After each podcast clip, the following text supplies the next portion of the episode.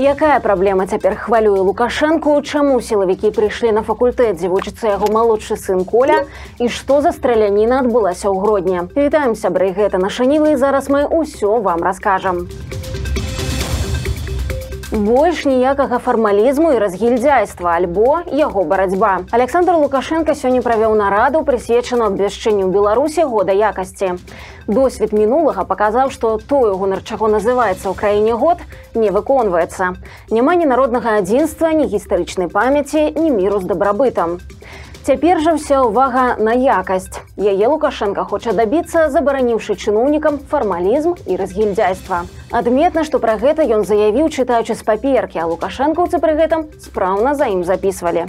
Іншыя парады былі ў духу тых, якія бацькі звычайна даюць маленькім дзецям. Цытата: пачынайце з сябе, своечасова прыходзьце на працу і працуйце якасна. Канец цытаты. Другое пытанне нарады зацвярджэння ў Беларусі знака якасці.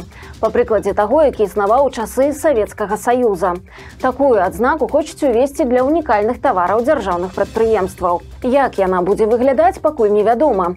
Але лукашэнкаўцы хочуць пакінуць савецкі пяцікутнік і перакуленую літару К. Прычым Лукашенко патрабуе, каб за гэты значок сярод прадпрыемстваў ішла сапраўдная барацьба. Вось толькі міф пра выключную якасць савецкай прадукцыі нарадзіўся праз адсутнасць канкурэнцыі з боку імпартных тавараў і вялікага дэфіцыту. Планавая эканоміка не прадугледжвала змагання за якасць, а працэнт браку быў высокім. Ды любы чалавек старэйшага ўзросту добра памятае, што ў савецкім саюзе найбольш цаніліся акурат замежныя тавары. Калі не заходнія, то хаця б з іншых краін сацлагера, але толькі не з ССР. Дарэчы, на той жа нарадзе Лукашенко трохі паапраўдваўся за сваю любоў да савецкага мінулага, якая апошнім часам толькі ўзмацняецца. Ну теперь вы понимаете, почему, как меня критиковали, я цепляюсь за то советское время. Если бы не было того советского времени, не было бы самых современных и новых образцов. Загубить все проще. Но на базе чего мы бы создавали новые прогрессивные образцы? Этой базы бы не было. Умные люди сохраняют все то, что накоплено прежними поколениями и развивают то, что накоплено прежними поколениями. Мы это сделали. Карацей сам сябе не пахваліш, ніхто не пахваліць.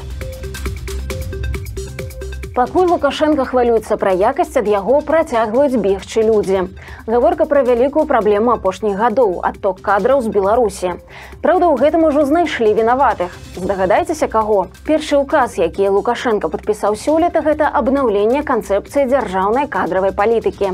Там прызнаецца дэфіцыт кадраў і прапануецца некалькі варыянтаў вырашэння праблемы. Яны, праўда, максімальна банальныя. Напрыклад, падцягнуць зарплаты бюджэтнікаў, надаваць больш увагі ідэалагічнаму выхаванню моладзі і павышаць прэстыж прафесій праз прапаганду. Калі перавесці на чалавечую мову, гэта значыць яшчэ больш безгустоўных рэпартажаў пра хлебароба ў дзяржаўных медыях і яшчэ больш прапагандысцкіх лекцый для студэнтаў школьнікаў. Таксама Лукашенко прызначыў вінаватых у беларускай кадравай праблеме. Проста ў тэксце дакумента напісана, што за беларускіх работнікаў вядуць агрэсіўную барацьбу замежныя кампаніі. Пра рэпрэсіі ці вайну само сабою у дакуменце ні слова няма. Прычым праблема кадраў настолькі сур'ёзная, што іх не хапае нават ва ўпраўленні справамі самога Лукашэнкі.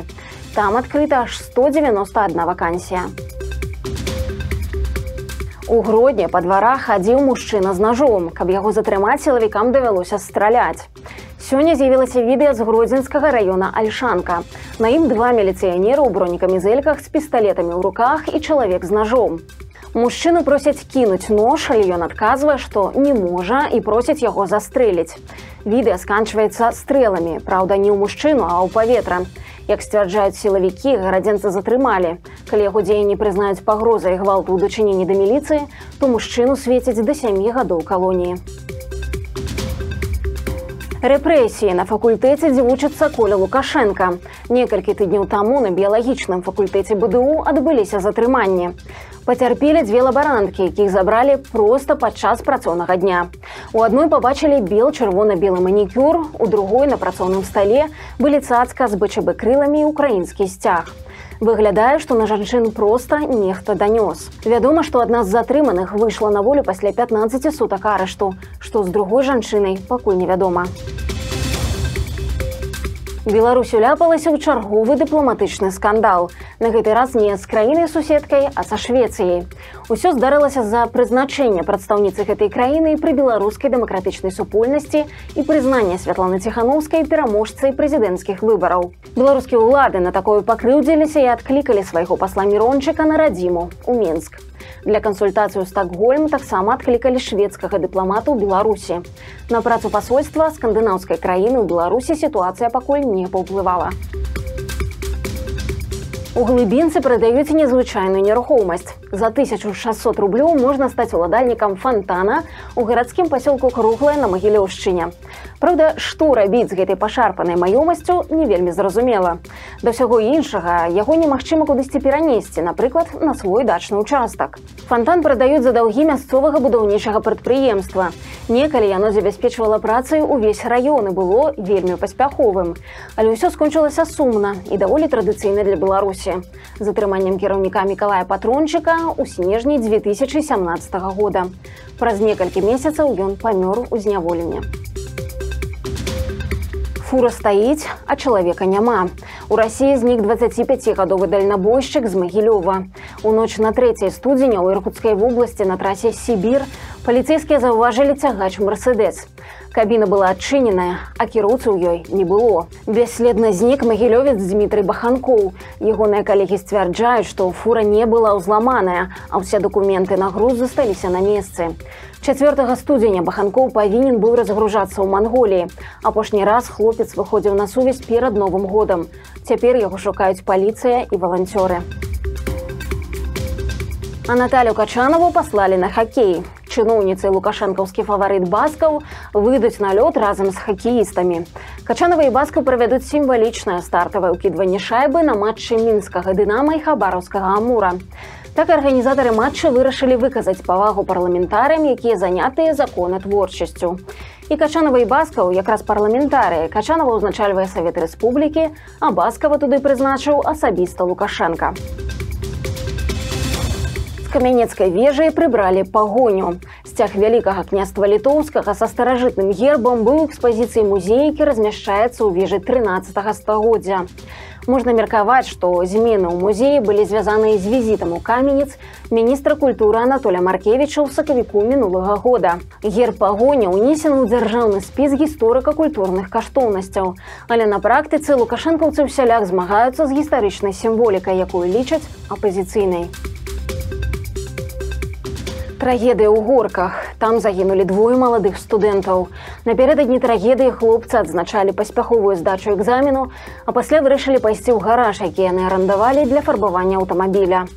Днём 4 студзеня іх цела без прыкмет жыцця знайшлі ўнутры машыны. Хутчэй за ўсё яны задыхнуліся выхлопнымі газамі. Колькі членаў праўладнай партыі белая русь больш чым у большасці беларускіх гарадоў. у партыю ўлады на базе грамадскага аб'яднання стварылі ў сакавіку мінулага года. Прасцей кажучы, гэта такі беларускі аналаг адзінай рассіі.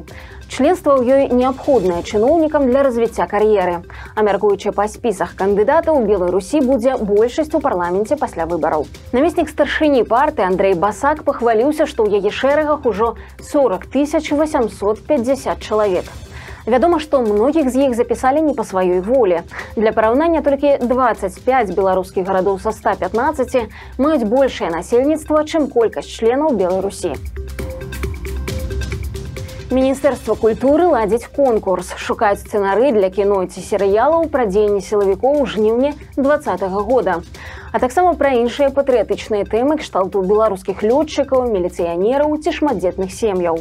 Мінкульт збіраецца вылучыць ажно 10 сцэнароў на якія беларусь фільм нешта здыме ў 2025 годзе і аўтары якіх атрымаюць па 2000 рублёў. У ведомстве заяўляюць што досвед адукацыі не абавязковыя галоўнае жаданне і талент Нагадаем, што цяпер за кінематографу мінкульце адказвае адыёзная Ірына дрыга. Яна асабіста складала чорныя спісы выканаўцаў і звальняла нелаяльных артыстаў. Цяпер яна абяцае сцэнарыстам чырвоныя дарожкі і мільярдныя зборы ў пракаце. З Беларусі не далі вывесці рарытэтны аўтамабіль.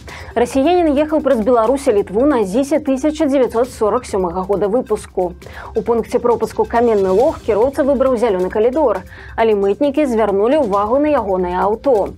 По законе транспортныя сродкі, вырабленыя да 1951 года, з'яўляюцца культурнай каштоўнасцю, таму іх трэба дэклараваць. Каб ацаніць кошт машыны давялося звяртацца ў міністэрства культуры. Там вырашылі, што зіс каштуе каля 610 тысяч рублёў. Цяпер уладальніка могуць аштрафаваць на траціну ад кошту незадэклараванага тавару. Гумарыст Яўген Крыжановскі расказаў сумную гісторыю, якая здарылася з ім пад новы год. 31 снежня ў яго ўцякла кошка буся зорка ягоных ролікаў у тыктоку. Жывёла неяк выбегла з кватэры на восьмым паверсе апынулася на першым адкуль яе нехта выкінуў на вуліцу. Навагоднюю ноч гумарыст са сваякамі правёў пошуках якія не далі плёну. У выніку з дапамогай садсетак аб'яў і добрых людзей буся вярнулася да хаты. Котка была перапужаная і брудная але цэлая. Цяпер яна амаль увесь час спіць нічога не есть і баіцца падыходзіць да дзвярэй. у Вось такія навіны подписывайтесь ставце свае лайки альбо дызлайки і выказвайце за ўвагі ў каментарах і канечне чытайце нашу ніву глядзіце нашу ніву і любіце Беларусь добрых выходных і шчаслівых калядаў